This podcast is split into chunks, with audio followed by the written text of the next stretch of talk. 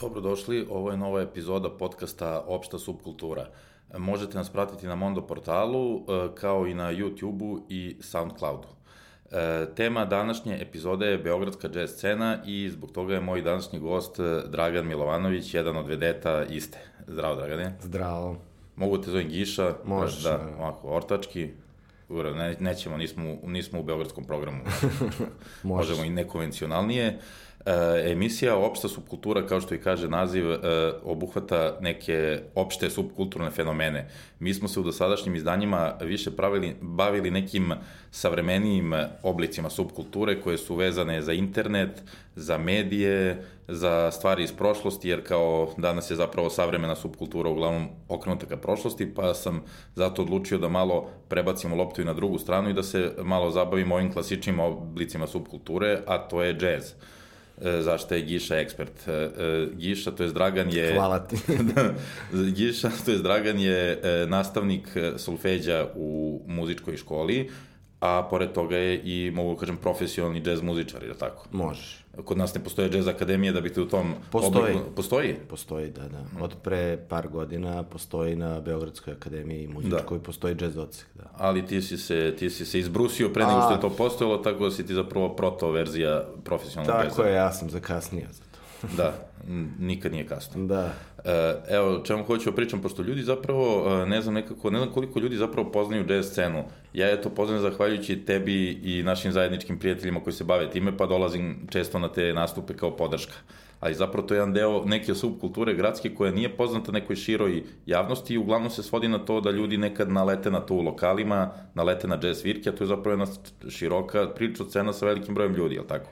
Da, pa imamo te neke ekstremne primere naše jazz scene kao što su Duško Gojković i Stjepko Gut koji su svetski poznati da, muzičari. Da, koji su sta, već su na sceni jako dugo, oni su... Ali još, nisu oni sad pali s Marsa, nego su iz, izašli iz, iz, iz nekog okruženja koje je ovde već postojalo. Dakle, jazz scena postoji u, u Srbiji i u Beogradu, ja znam za Beograd, ne znam baš mnogo za Srbiju, ali ovaj, postoji još iz vremena onih čuvenih igranki što smo imali prilike da gledamo u našim filmovima, je tako, i, i ovaj, posleratne igranke u Beogradu, to su prvi džez muzičari.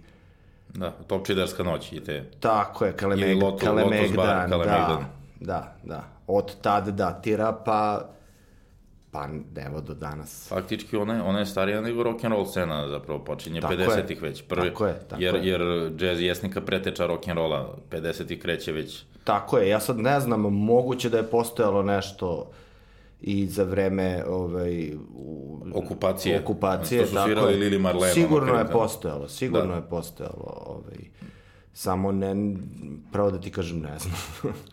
U svakom slučaju, danas postoje te neke dve garniture džezera. Postoji neka mlađa koja se formirala u vreme Jugoslavije i Radio Beograda. Većina njih dosta dolazi iz Big Banda, je li tako? Zapravo postoje tri, sada već tri garniture. Aha, sad ovaj... ulazimo u, u, znači, da. srce, u srce... Tako je, sad već je i školovanje pokriveno na svim mhm. nivoima. Mm -hmm. To, evo recimo, ja sam išao tu srednju muzičku, koja je bila u moje vreme eksperimentalni odsek u muzičkoj školi Stanković u Beogradu i to je tad bilo jedini džez odsek u srednjoj školi na Balkanu. Mm -hmm. Tad. E, onda je to postao regularan odsek, sad postoji na akademiji, ali ovo je mnogo interesantnija priča što si rekao za generacije. Znači, postoji ta neka kao starija generacija, to je taj big band, ta priča, mada sad ima mlađih ljudi koji, koji sviraju u big bandu. Uh, postoji ta neka srednja generacija koju ja pripadam, gde je otprilike 60 do 70% te, da kažem, moje generacije je završilo neke fakultete preko, što u Americi, što u Evropi, uglavnom Austrija u to vreme bilo besplatno studiranje u Austriji. Da, zbog rat, međudržavnog... ratne odštete. E, tako je. Studiranje besplatno zbog ratne odštete još e, uvek. Tako je. Mislim da nije više. E, zato što je važilo na 100 godina, prošle je 918. 2018. tako da više nije, ali više nije. 100 godina je važila ta Pravilo, e, za, da. Zato je većina završila u Austriji. Da, ovaj, te neke... u Lincu, je li tako? To je beše najbolje. Grac. Grac. Grac, e, ne znam. Ne, u Lincu dolaze narodnjaci, to sam... tako je, tako je, tako je. to je dakle neka srednja generacija i sad ova mlađa generacija gde ovaj, eto, to su uglavnom ta, ti neki mlađi, baš mlađi ljudi. Ovo, u moje vreme se niko u tim godinama nije ni bavio džezom, a to znači neka deca od 16-17 godina koji već snimaju neke ploče, sviraju na festivalima i tako. Da, to nas mnogo brže ide generalno sa mladim muzičarima, vidim skoro neki DJ od 14 godina izbacio singlo, nekako već to otišlo, sa svojim razvojem medija počinju već pa, sa... Pa tako je Znaš šta, njima su informacije dostupne. Oni već sa 12 godina mogu da provaljuju programe, da mogu kući da prave neke, tako da imate od tih ultra mladih zvezda zapravo sad. Tako je, mogu da gledaju i časove na internetu i imaju, dostupne su im sve moguće informacije. Celokupna istorija džeza im je na, na izvolte, na, mm -hmm. na YouTube-u, tako da to nije bilo pre. Da. E sad što me zanima, u toj najstarijoj generaciji oni pripadaju onoj generaciji koja se informisala preko redkih ploča koju su nabavljala i radio Beograda. Tako je. I oni su se tako zainteresovali za džez, ako su 50-ih, 60-ih bili mladi, njihove informacije su bile ili direktno vinili, ili, da kažemo, radio Beograd, radio Luksemburg. Ova mlađa generacija, ta koji si sad pomenuo, oni se informišu gde hoće. A zanima me, evo, tvoja, to je naša generacija, ti pripadaš ljudima koji su odrastali 90. kad stvarno džez, ono, svega je bilo, samo nije bilo džeza.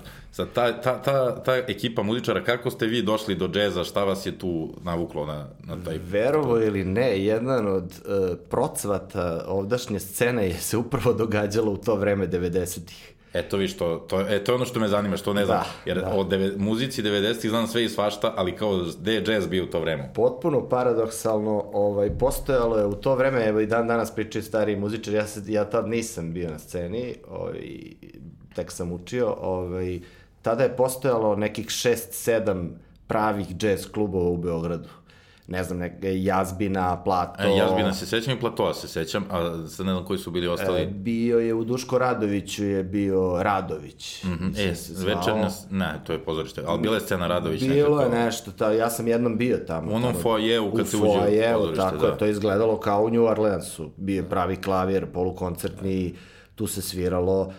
A, bio je u Domu omladine klub, mm -hmm. St.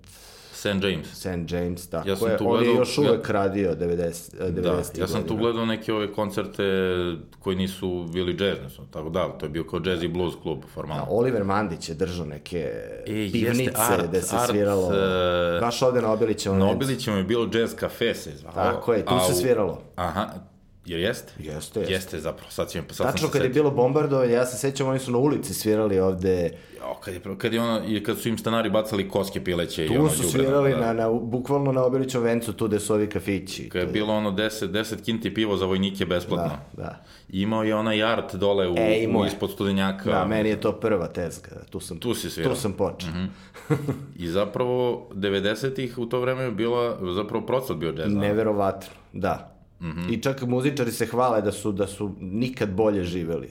Tad. Dobro su zarađivali. Pa da, imali su u, u onim markama su dobili od kafeđija da. i kao otprilike za jedno veče zaradiš prosečnu platu u Srbiji. Da. Kao džez muzičar. Da, da, znači ono pare na ruke, da. sve ono... Znači, tad, je, to... tad je bilo najbolje. Mm, ko, je, ko je tad bio glavni?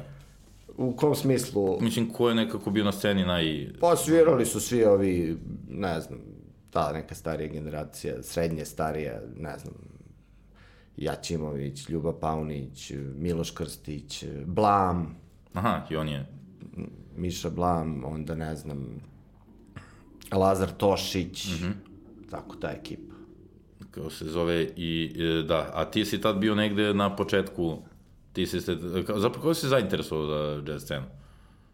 E, iskreno, ovaj, dva drugara, pa znaš ih, mm. ovaj, Vlada Protić i, i Goran, da. družili smo se na banjici, ja nisam ni znao, ovaj, i oni su mi rekli kao, e, kao, postoji jazz odsek. Mislim, u to vreme to je zvučalo kao neki film američki. U okviru muzičke škole? U okviru škole. muzičke škole, koja mene uopšte nije interesovala. Kao... I kako ste vi kao civili mogli da prisustujete jazz koje ste morali da se upišete? Ma dođeš i pa nije bilo ni neko preveliko interesovanje. Ovaj. Dođeš tu kao neki prijemni, položiš, ispričaš šta slušaš, kako ti to, znaš, malo se tu muvaš i upišeš se. Mm -hmm. I zapravo je to bilo kao neka eksperimentalna Dobro, ja sam imao, ja sam imao muzičku školu nižu, ovu klasičnu. Mm -hmm. Jer pretpostavljam da nije bio toliki fokus na kao tom jazz oceku, verovatno je bio neki eksperiment da vide dokle će da dogura to. To ti je bilo ovaj, uh, kao neki uh, unapređeni kurs za tezgaroš. I onda su tu dolazili ovi iz nekih rock bendova, punk bendova i tako dalje. So da se upgradeuju Da ili se upgrade, da. Da. da. I većina je i, i napuštala to. I tu niko nije imao godina za srednju školu. Znači, to su sve bili ljudi oko, dva, oko 20 godina. Znači, prestareli već ono. Prestareli, da, da. I onda su tu dolazili, pošto su dobri profani, da skinu malo ovaj, neke fore i da se prodaju skuplje. Tako? Idu dalje, da. E, sad bilo je nekih mlađih ljudi koji su, eto, tako se zainteresovali, pa posle nastavili dalje. I već, posle par godina je to preraslo u ozbiljnu školu. Mm -hmm. I da bi danas već ušlo u Da, akademske da, mi okvire. smo formalno. regularno dobili diplome na kraju ovaj, Da, da, da, da. da. muzičke škole. Ja sam posle upisao akademiju s tim. Mm. A, ko je, a ko je vodio te prve jazz oceke? Je, pa, da nabrajam profesore. Pa, ne dobro, moraš sve eto. redom, ali otprilike koga Eto, bi... legenda tog jazz oceka je bio Miloš Krstić, pijanista. Mm. -hmm. ovaj, on je inače legenda naše scene. Uh, ko je sve tu bio? Dača Karamarković, gitarista. E, često je dolazio čak i Stjepko, držao je tu neke mm. -hmm. ovaj, radionice i tako da. E, bio je Zvonimir Skerol, čuveni ovaj, aranžer i dirigent našeg big benda ovaj, on je predavao aranžiranje i teoriju. Eto, mm -hmm, to su neki od, neka od imena. U svakom slučaju, uh, kad ste to, to je bio neki već druga polovina 80-ih kad ste vi sa tim završili. Pa to su bile 90. Da. I kako ste počeli da se plasirate preko starije ekipe u klubove i... U, bilo je teško, boga mi, ovaj, to je to, to vrzino kolo, ovaj, nisi dovoljno dobar A da nisi, nastupaš, do, nisi dovoljno mator. A nije mator, pa ja sam bio i mator, ovaj, Znači, si 20 i nešto, ali Da. opet ima... A kad pogledaš da E. ekipa je starija, ima 40-50... A znaš šta je najgore, ne može da postaneš dobar ako ne sviraš. I onda Aha. je bio to problem, u stvari ti moraš da nađeš. Ja sam čuo jednom, sad neću da ne pričam u kome, ali sam par puta čuo od ljudi koji to prate, kažu, koriste termin jazz mafija. Ima kao ekipe koja drži banku, jeli, mislim, ne mislim na vas, nego kao neke stari, kao koja drži klubove Ma i to, da. pa sad kako uđeš, uđeš. Da, ali ove, znaš, kad si tako mlad muzičar, onda ne, ne možeš ni da, ni da sviraš, a ako ne sviraš, ne možeš da napreduješ i onda se tako vrtiš u krug i misliš da si u bezizlaznoj situaciji. I onda shvatiš da u stvari ti moraš da nađeš, neće Kanal. tebe niko da zove, nego Da mora nađeš kanal, da da cimaš. ti mora da nađeš posao, pre svega, mm. -hmm. i onda ideš tako, ovaj, dok se ne pročuje za tebe, ideš i zoveš. Moja taktika je bila da zovem što bolje mogu muzičare da sviraju sa mnom. Da, da iskupljaš da me vuku napred, da mogu da napredujem i da ove, i ništa, tako ideš od kafića do kafića, pitaš za svirku. Znači, pa dobro, Pregovaraš. To je, da. To je manje više stvar sa svakom umetničkom A da. profesijom ili pro, profesijom koja se bavi trgovinom. Dok, dok ne krene moraš da cimaš, moraš, Moraš, da ideš, da. moraš da ono... Vama je zapravo, da, to, su, to je po kraj 90-ih, druga polovina 90-ih, to je kad ste, ti početci kad ste Tako je. pokušavali da uđete u... Tako je. Mhm. Da. E onda već koliko se ja sećam, ja vas od tad negde i znam, već 2000-ih ste malo lagodnije ušli tu, to ste već počeli da negde dobijate prostor. Pa jeste, ovaj, bili smo tako simpatični, kao mladi, znaš, a pravili smo te mix bendove. Nismo svirali samo sa svojom generacijom, nego smo zvali tako neke, uspemo da nagovorimo nekog starijeg muzičara za kog se već zna i tako dalje, da svira s nama. Da vas proda, da vas njegovo ime malo... Tako je. I onda se to delo interesantno, znaš, mešoviti bend, ne znam, bubnjar ima 17 godina, a ovaj saksofonista ima 45 i ti imaš 23 i tako. Mm -hmm. Takvi neki bendovi i tako, malo smo išli na pevačice, znaš, to je atraktivno, pa smo malo i koketirali s nekim drugim pravcima, malo pop, malo funky, malo latin. I eto, krene to nekako. Mm. Krene to, ovaj, i ništa. Tako da. živiš. A vi danas imate neke, koliko na tim nastupima, malo mešovit sastav, imate neke starije muzičare, neke... Da, da, i, da. I to se danas praktikuje. Pa i ta, je, rekao sam već da pripadam toj nekoj srednjoj generaciji. Mm -hmm. Mi smo ni tamo ni vamo, znaš. I, ovaj, I upravo je ideja, bar ja se držim te ideje, ja volim to da radim, da, da, da se neka znanja usvajaju od tih starijih, da se nastavlja tradicija, a i ovi mlađi da donesu neku novu energiju, da donesu... Da se nadogradi. Tako je, tako je. Da je možda neke nove trendove, pa sad miks svega toga. Mislim, to se svugde radi, nismo mi po tome ništa specifični. Ovaj. Tako je i u Njujorku i da, u Berlinu i u Londonu. Niste, niste vi to izmislili? Što nismo, nismo. Kako se zove, kako inače funkcioniše scena, pošto vi ste vezani za lokale, vi nemate solističke koncerte, kažem, kako, kako funkcioniše to unutar ta, ta vrsta klubske scene? A znaš kako, mi smo ti ko neka familija, ovaj, ljudi sad misle da nas ima ne znam koliko, ovaj, mi se svi znamo međusobno. Mm -hmm. Svi imamo svačiji broj telefona, svi smo u kontaktu konstantno, jer je takav posao, znaš. Kad ne može ovaj, može ovaj, pa zoveš ovog, zoveš onog. Tako da se mi svi poznajemo lično ovaj, mm -hmm. jako dobro, i mlađi, i stariji, i srednji, i nema nas puno. Mm -hmm. u, u, šta ja znam, ajde da ne lupam neke cifre, ali čisto orijentacije radi 40-ak, 50-ak muzičara u Beogradu. U gradu. Da. U gradu.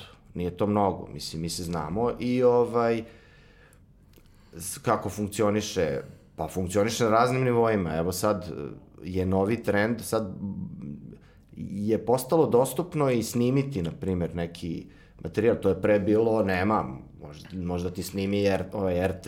No da, sad to može kući, malte ne no, sad ti možeš sa boljim kompjuterom da snimiš album da. kod kuće, bez problema i to vrlo kvalitetno. Pa da, ta, tako se muzika nas i pravi, pritom platforme ne moraš da čekaš. Tako je, i sad da mladi ljudi imaju svoje izdanja. Da. I onda to s tim, tako, ideš preko interneta, šalješ ovima onima, ima tu sad i nekih nastupa po nekim festivalima, postoje festivali, mislim, Srbija ima, pravo da ti kažem, jako veliki broj, malte ne svaki grad veći od, ne znam, 30-40 hiljada ljudi ima jazz festival. Mm -hmm. Sad, koliko je to ja ne jazz? Ja, ja osim znam za Nišvila se je ostalo... Ono... Kakvi? U Nišu ima dva. Aha. Ima Najsus, ima Nišvil. Da. Imaš Suboticu, imaš Novi Sad, imaš Beograd, imaš Pančevo, imaš Valjevo, imaš uh, Kosovsku Mitrovicu, imaš uh, Ibar, o, uh, Kraljevo ja Ibar, mm -hmm. Jazz Ibar, tako se zove festival. Stani Ibar voda. To, evo nabrao sam devet, mislim ima još. Ne da, to je zapravo prilično bogata scena za, za jednu takvu vrstu e, muzike sad, koja nema toliko publiku. Pa da, znaš šta, mislim, malo sad tu ima i ponavljanja i sviraju jedne te isti i, i mislim, ali dešava se. Ali nije. funkcioniše, da. Ima, ima toga, a klubska, Pazi, uh, ljudi ne kapiraju, to, to je sad, između ostalog sam hteo i to da kažem. Da, ovaj, ajde, slobodno. Ova uh, industrija je ušla i u, i u džez, mislim, odavno. Kod nas? Uopšte u svetu. Mm -hmm. I ima ta, taj moment uh, ovaj, potrošački se uvukaju i cela ta ideologija se uvukla i u tu priču, znaš. Mm -hmm. I mhm. sad se fura ta priča sa tim festivalima i malte ne, jedina umetnost se kao dešava na tim festivalima, A ovo što sviraju po klubovima, to su ti neki tezgaroši koji sviraju bez veze, tako čisto za pare, njih to ni ne zanima i tako dalje. Znači neka institu, institucionalizacija, koja, jer to nije problem samo sa džezom, to je problem i sa filmom i sa e. drugim vrstama muzike, da je kao festival, to je malo neki malo građanski čak mindset da, tako da je. mora da postoji događanje, da bi došli ljudi, a da odeš utorkom u 8, znaš. Tako je. Na... A džez je upravo subkultura koja živi u klubovima. Pa da, tu se, se rodio u klubovima i on živi u klubovima. Ne može on da živi na festivalima. Da. Pogotovo što su sad festivali postali toliko glomazni da oni više ne mogu ni da se finansiraju ako ti ne ubaciš neki komercijalni program. Da. Pa ti je tako, ne znam, headliner na, ne znam, najvećem evropskom festivalu, North Sea, Jamire Kwai, koji nema veze sa, sa da, jazzom. Ali on mora da proda, on prodaje on sve ostale. On prodaje sve ostale. I onda ti dođe ona ekipa, naš, krstari po festivalu sa pivom i ide i ona stane malo za jedan, za drugi, a zapravo su došli zbog tog headlinera, a ovo treba da im se proda kao neki, Tako je. E, kao neki bonus proizvod. Da. Ovde čak imaš neke kao stručnjake koji se sad tu prodaju kao neki menadžeri za jazz, gde su oni, evo ja sam imao prilike da čujem da su savetovali neke mlade ljude kao nemoj ti da sviraš po klubovima, kao treba da se povučeš malo, da te ne vide ljudi, pa ćemo onda mi kao da... Pa da izmistifikuješ sebe, a onda te kao plasiraju na festivalima kao neku atrakciju, ne znam ja. Tako je, i onda ti sad ideš na koncert, ti si sad ve... A oni ne znaju da, recimo, najveća imena sviraju po Njujorku za, za, ne znam, 50 dolara. Da, Woody Allen ima svoje veče u, u, na Manhattanu, ne znam da li što to radi. Ljudi sviraju cele godine, a onda, a oni ne žive od toga. Oni da. žive od toga što su imene, pa ih pozovu u Evropu, I onda, onda tamo naprave pare. I onda naprave pare i od toga žive. Ali oni tokom godine, kad nema festivala, oni ljudi sviraju u svom klubu, u svojoj ulici, u... Da.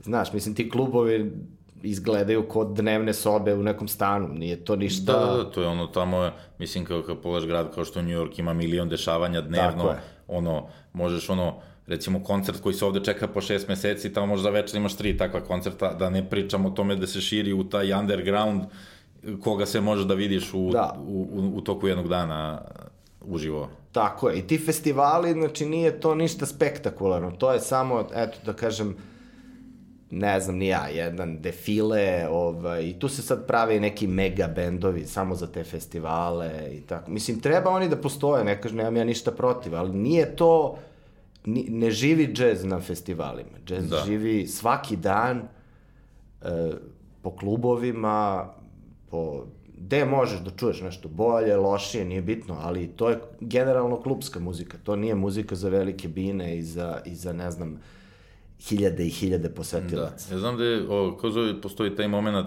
e, Beogradski jazz festival u Sava centru uvijek bio neka vrsta atrakcije gde dolaze ljudi koji nemaju da. veze, to je prosto događaj u Sava centru, što se kaže, mora se ispoštuje tako je. i onda se, to je neka publika koja kupuje džutore karte i tako, to nikad nisu bili neki... da. E sad, ono što je drugo što je meni zanimljivo, kad je u pitanju taj klubski život koji je zapravo srž džeza, koji je ta neka kao krvotok njegov, ja i tu primećujem, dosta sam bio, eto, zahvaljujući vama, I tu dosta dolazi ljudi koji možda, kako sam provalio, i ne znaju šta slušaju, nego prosto oni dolaze na džez kao na neki, da kažeš, kul, kulturnu manifestaciju, kad dođu u klub kao, u, smatra se je otići na džez u neki klub noćni, beogradski, malo sedeti tu, pojedeš, popiješ, poslušaš i tako da i u klubskom životu ima publike koja baš i čini mi se ne zna previše šta sluša, ali kao prosto voli da prati to.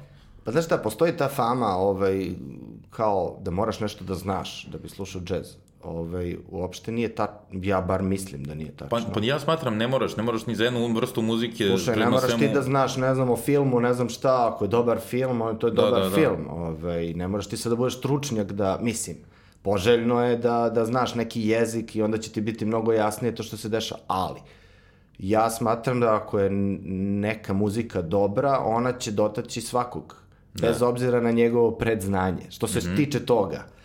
A to što se tiče publike, pa drago mi je da je to cool, nisam baš stekao takav utisak. Ponegde da, to mora da bude miks mesta, Pa jest. I jazz, jeste, znaš, da je negde je cool, cool, negde i nije cool. Toliko. Evo, evo ima jedan restoran Telma e, u Nišarskoj tamo, koji drže naši cool. prijatelji, tu se jazz, tu dolazi na potpuno vrsta uh, gostiju koje je, ne znam, malo mlađa koja nije pretežno džezerska, pritom tu se dešava svašta.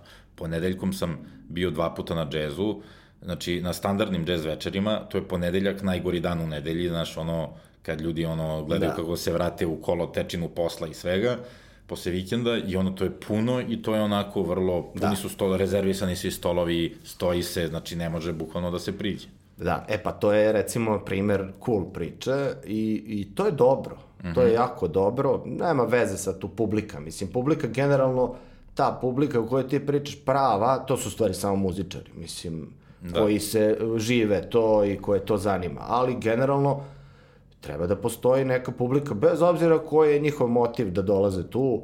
Ima tu ljudi koji zanima, koje ne zanima, koji su došli eto zato što je puno, to je sve okej. Okay. Da. To je dobro. I to je baš dobar primer. Oni su napravili tu priču ponedeljkom, a recim pre toga, ajde da kažem, neki nivo te popularnosti je bio ta, taj klub Čekaonica u Bigzu. E, znam, da, Čekaonica je bila, e, Čekaonica je bio odličan primer, jer ona je zapravo tako privlačila, mislim, Bigz je bio mesto gde su bili studiji, bila je okrenut pretežno ka alternativnoj muzici i, i kao i na elektronskoj, tu su studiji u kojima bendovi probaju, tu su klubovi gde, se, gde su elektronske žurke, gde su svirke, gde je sve, gde je neka potpuno publika koja nema veze s tim. A onda se pojavila čekaonica na poslednjem spratu, Tako na kojoj je bio džez jednom ili dva put dnevno koliko. Pa bio je, boga mi, četvrtak, petak, subota... I onda je ta neka mlada publika i publika koju generalno džez ne zanima počela da dolazi dole, gore po inerciji, znajući da se tu dešava i tu je bilo uvijek puno, meni su stvarno to bile najbolje, Tako je. jedno od najboljih dešavanja u Beogradu, ne samo vezano za džez, nego uopšte ovako, kao primer jako kvalitetnih žurki. Tako je, ali vidiš, mora se potrefi lokacija i ceo fazon, mm -hmm. jako je to sad bitno, zato što ima svačega. A recimo ta ista čakonica je postojala posle na još dve, tri lokacije u Beogradu, na primer, imali su neki brod, brod dole kod Nebojšine kule, mm -hmm. što je meni bilo kao super, ali to nije zaživelo. Onda je bio Bitev, mm -hmm. koji mhm. isto bio super. Ali nije, pa to je da li će mesto, to je fora da li mesto dobije, da li, da li se da li stvori, klikne. da li pa, klikne bukvalno. sa publikom, može da imaš savršeno mesto i da nema publike, a možda imaš čekonicu koja je bila onako prilično, da. mislim, ceo onaj proces da ti sedneš u onaj Biggsov teretni lift i odeš Tako na sedmi sprat, pa još jedna stepenice gore i onda kao kad uđeš, kad, kad prođeš te, te krugove pakla, te, te, te znaš, ceo u onom mordoru od zgrade, kad da, se tu da, da. stabilizuješ, da. zapravo ti je super. Jeste, pa eto, to je par primjera gde, gde se to poklopilo, a u milion drugih slučajeva se nije poklopilo.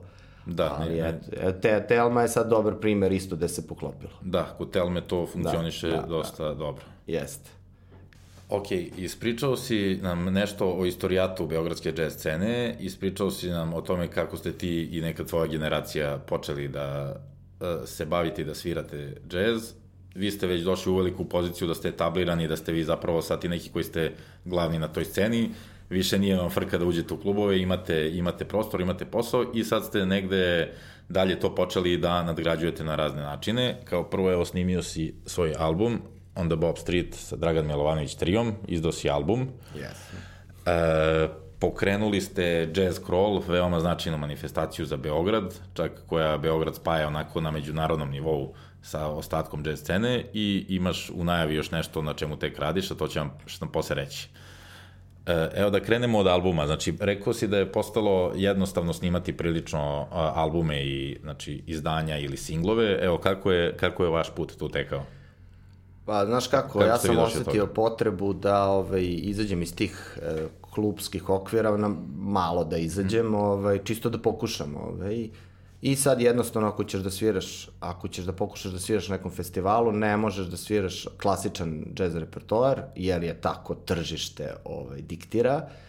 I ja sam jednostavno, kao i svi ostali, prihvatio pravila igre i moraš da imaš neku autorsku kao autorsku muziku, mada je to generalno u suprotnosti sa duhom džeza. Znači, duh džeza nije, to isto ljudi ne znaju, ovaj, e, nije važno šta se svira, nego kako se svira.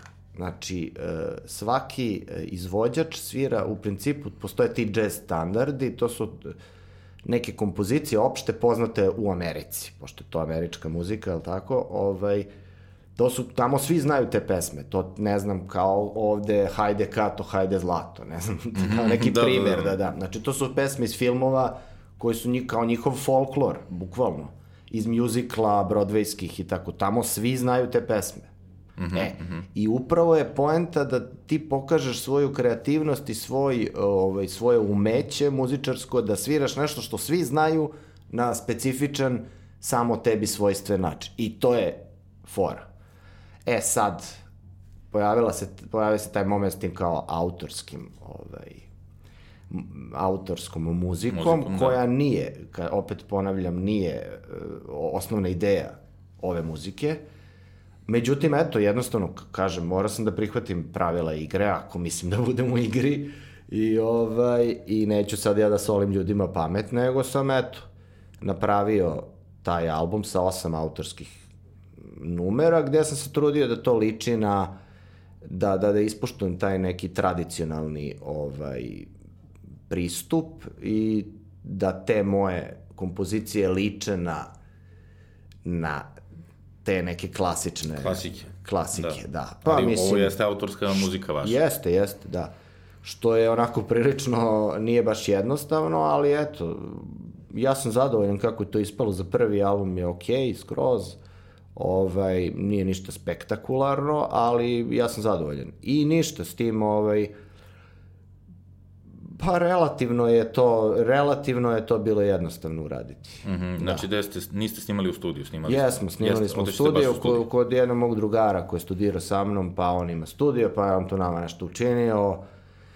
I ovaj, to je taj studio Fero, ovaj, kod mene, Milan Vukajlović, čovjek koji drži taj studio. Mm -hmm. Ovaj,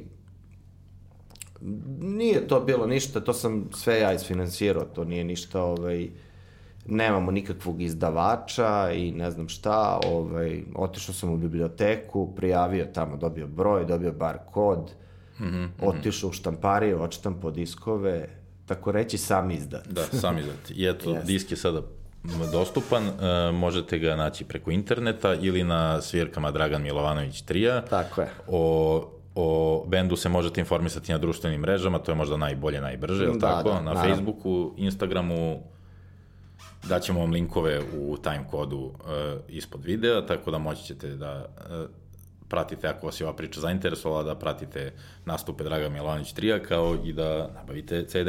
Hvala. E sad, na širem planu ste uradili isto nešto jako značajno, napravili ste organizaciju koja se zove Beogradski jazz servis, je li tako? Tako je. Koji ste faktički grupu od vas, koliko ste rekli da vas ima 40, nekako ste legitimizovali, da li ste... E, pa sad, da, nije, nije, nismo svih 40, Aha, ali... ovaj, a nas par je došlo na tu ideju, ovaj, da napravimo to udruženje građana gde bi A, vi ste registrovani kao udruženje građana? Registrovani da, da, smo, da, da, da, da. Mi smo kao firma, ovaj, i gde bi se mi bavili eh, na razne načine promocijom jazz kulture.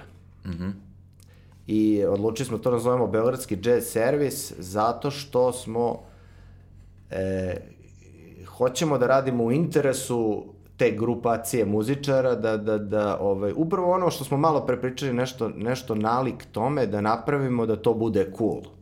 Da ne bude ovaj, tako...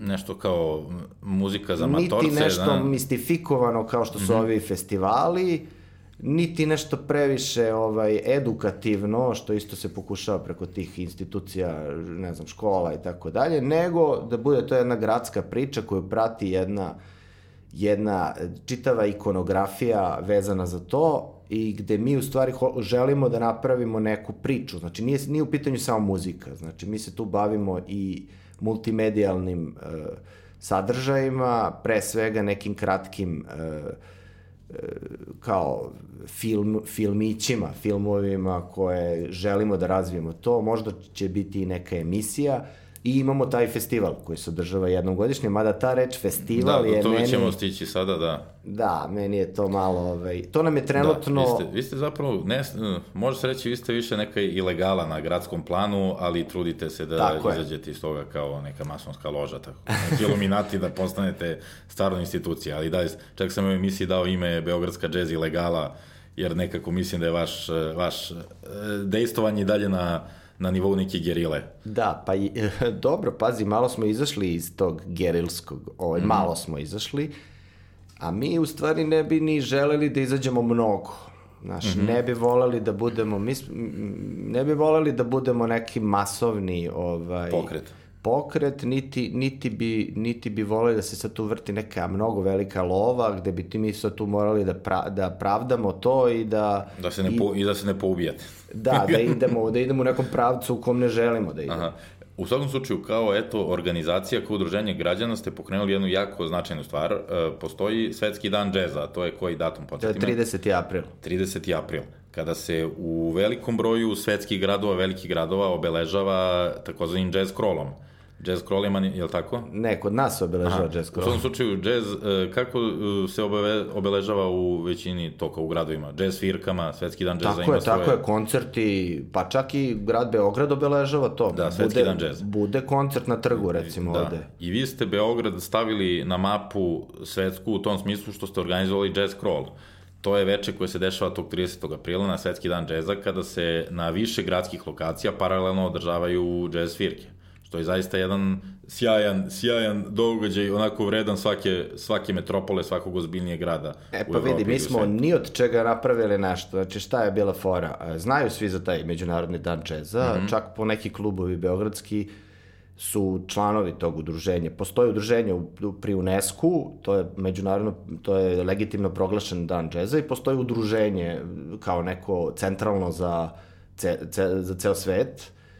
I ovaj, nije to davno, to je zadnjih deset godina postoji taj datum i to jednostavno služi da se zadrži jedna kulturna zaostavština, ovaj, da se, da se sačuva to. I zato postoji taj, izmišljen je taj dan džeza. Ne, nije to vezano ni za kakav datum bitan u istoriji džeza, nego jednostavno je to tako. I proglašen je kao datum. Proglašen je kao datum i vrlo je zgodan datum, pošto se u, maltene u celom svetu, 1. maj je nera, dan rada. Aha. Tako?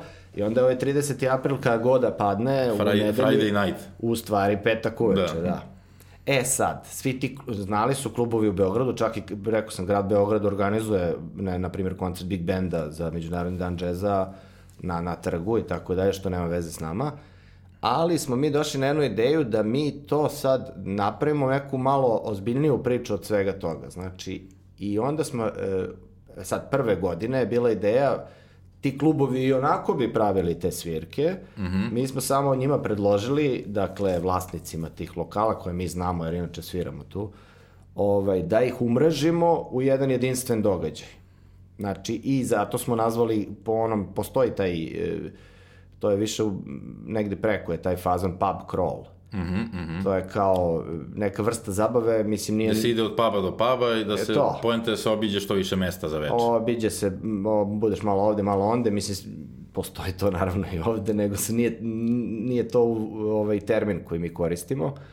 Ovaj, I onda smo to nazvali jazz crawl i ideja je bila da se u tim klubovima gde bi se onako nešto dešavalo, samo da ih umrežimo, jedno 3, 4, 5 klubova, da napravimo jedinstven događaj i da dozvole nama da mi kao stručnja, stručnjaci, jel te, budemo urednici tog umetničkog programa. Znači, da ne mhm. bude ono sad, ovaj našo tezgu, ovaj ovo ono, pa nego da, da nam prepuste to veče, da mi to organizujemo i oni su pristali.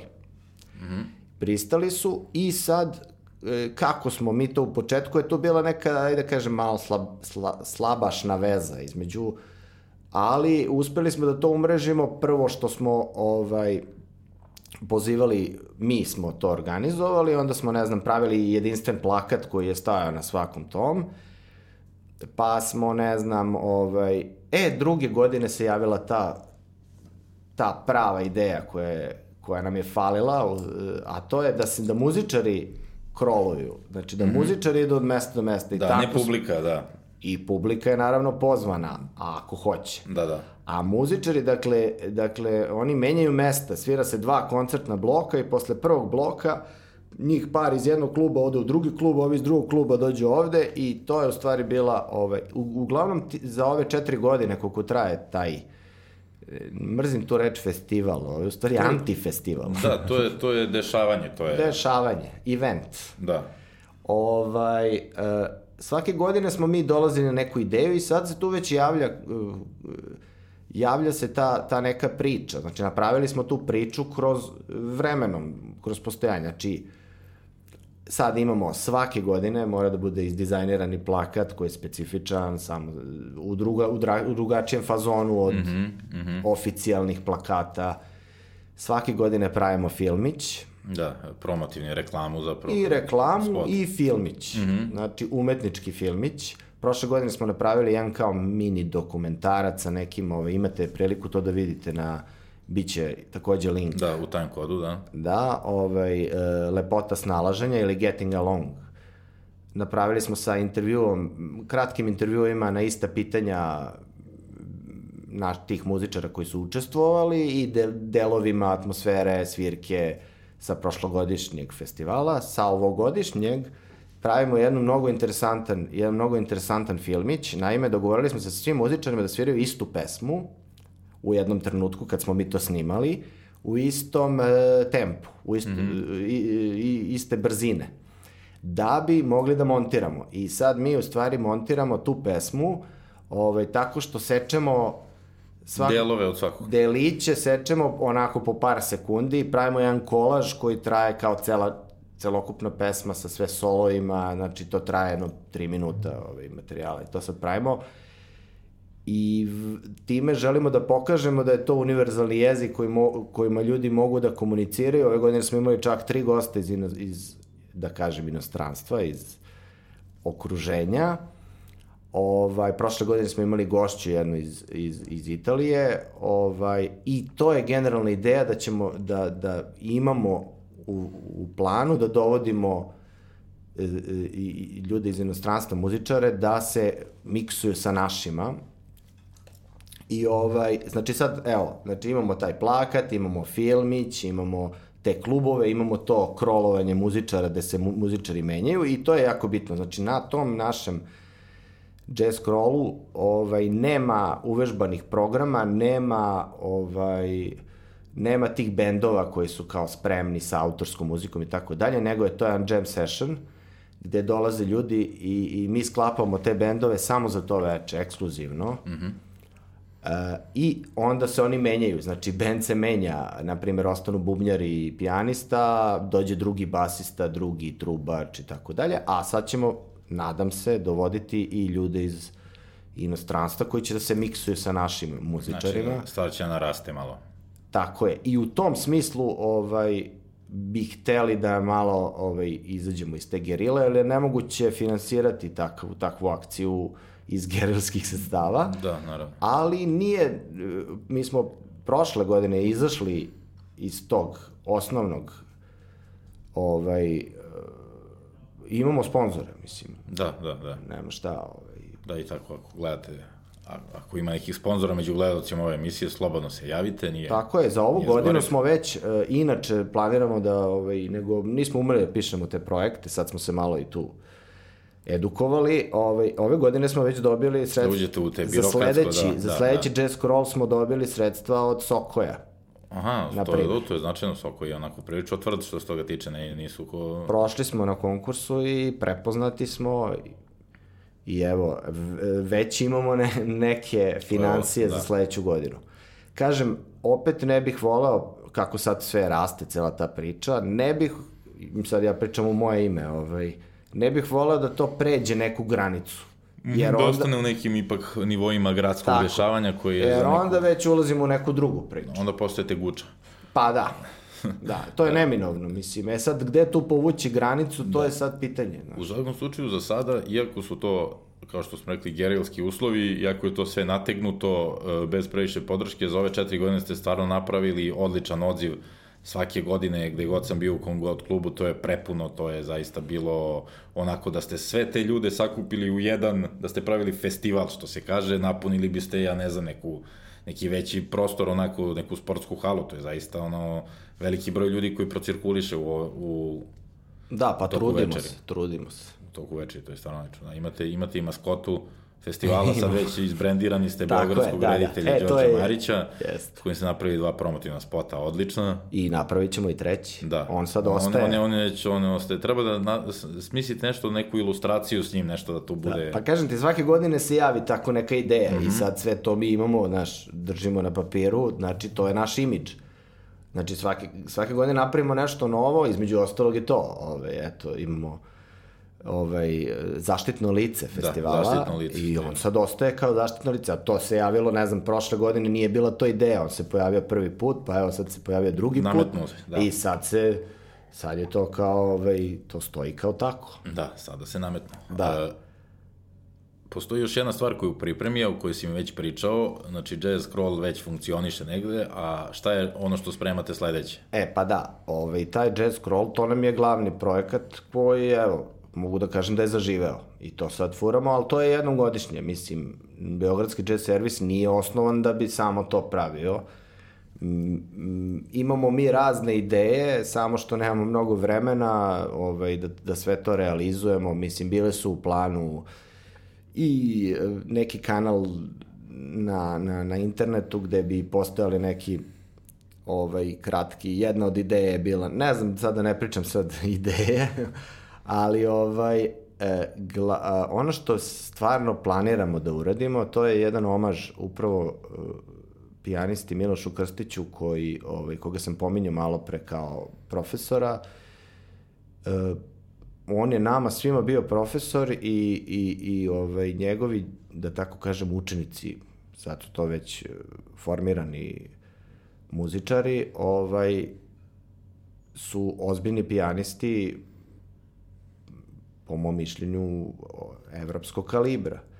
I onda tako, pošto nas ima popriličan broj na, na, za Beograd, hteli smo da napravimo jedan omaž e, profesoru, da i on, bi on svirao normalno, mislim, čovjek je živ i zdrav. Mm -hmm. Da, da, da, to krenuo pričam, nisam da, da, da, da, da. I, ali da, da izađemo iz tih okvira školskih, znači da to ne bude to, nego da bude baš umetnički koncert, Međutim, ovaj, kažem, i ovaj festival smo hteli, kao i ovaj festival, ne, ne želimo da pravimo nešto ovaj, što nema smisla, znaš, gde će da dođu, ne znam, naši prijatelji, tetke i babe, i ovaj, nego želimo da napravimo ozbiljan događaj, znači, iako ne, dok ne budemo imali uslove da napravimo to, nećemo ni da pravimo, znači, da, i sad smo mi u nekim pregovorima, naravno, finansi su u pitanju, ovaj, želimo da iz tog događaja, ovaj, dakle u pitanju je 10 pijanista, e, događaj bi se zvao Stylings and Reflections i ovaj, svirao bi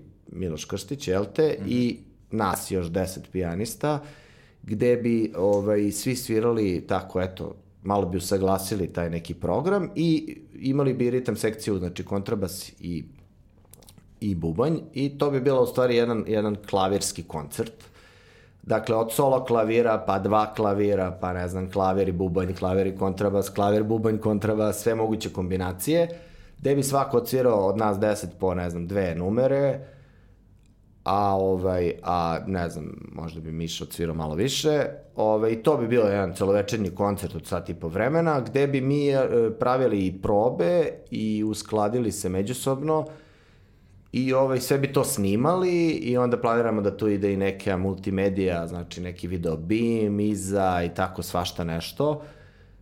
I da se iz toga izrodi jedan LP, mm -hmm.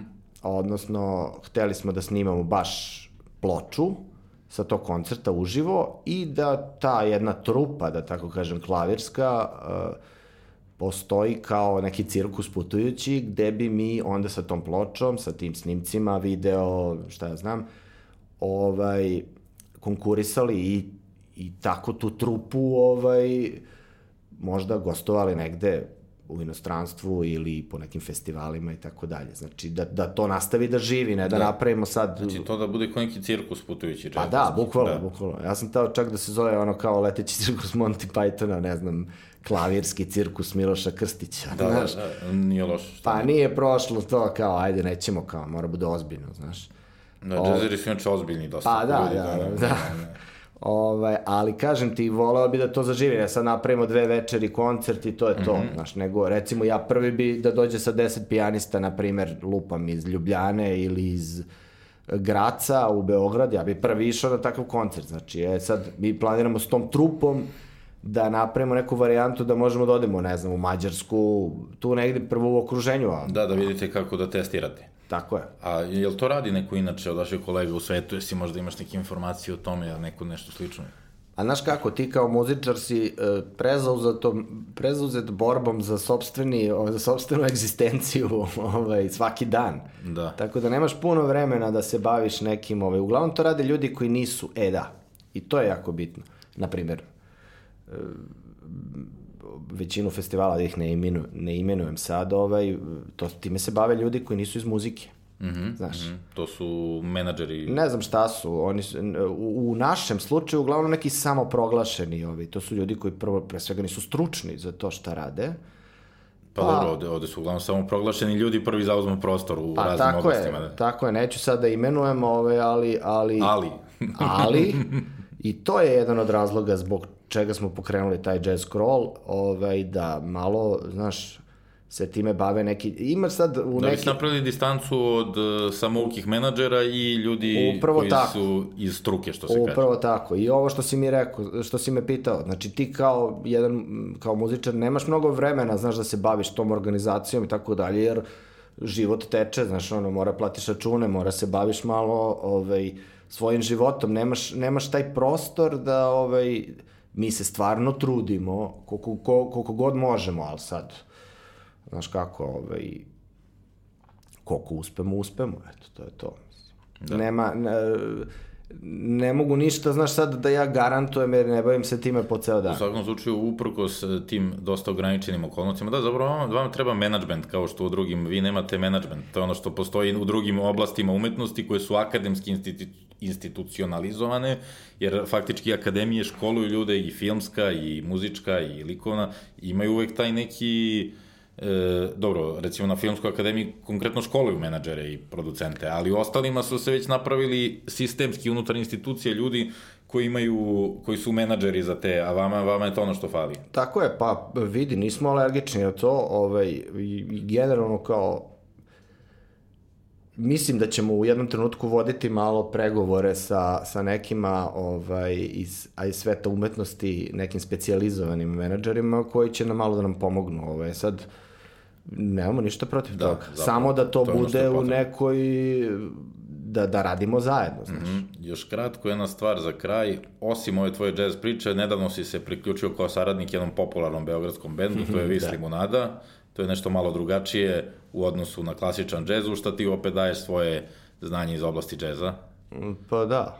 da, to je zanimljiva jedna sporedna delatnost. Da, a ja volim te, te projekte koji imaju neku priču. To su neki, to je neki ventil dobar ovako za...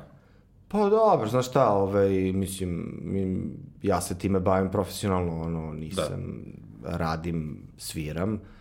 Ove, a oni su mi simpatični zato što imaju priču. Mm -hmm, da, oni jesu band sa pričom. Da, band sa, sa konceptom. pričom, sa konceptom, koji ima vrlo jasnu ideju šta, kako, gde i meni je to jako simpatično i eto, e, nastupam sa da. njima pod pseudonimom e, Max Leopold. To je iz nekog crtanog emisija. ok, bila je ovo još jedna epizoda podcasta Opšta subkultura.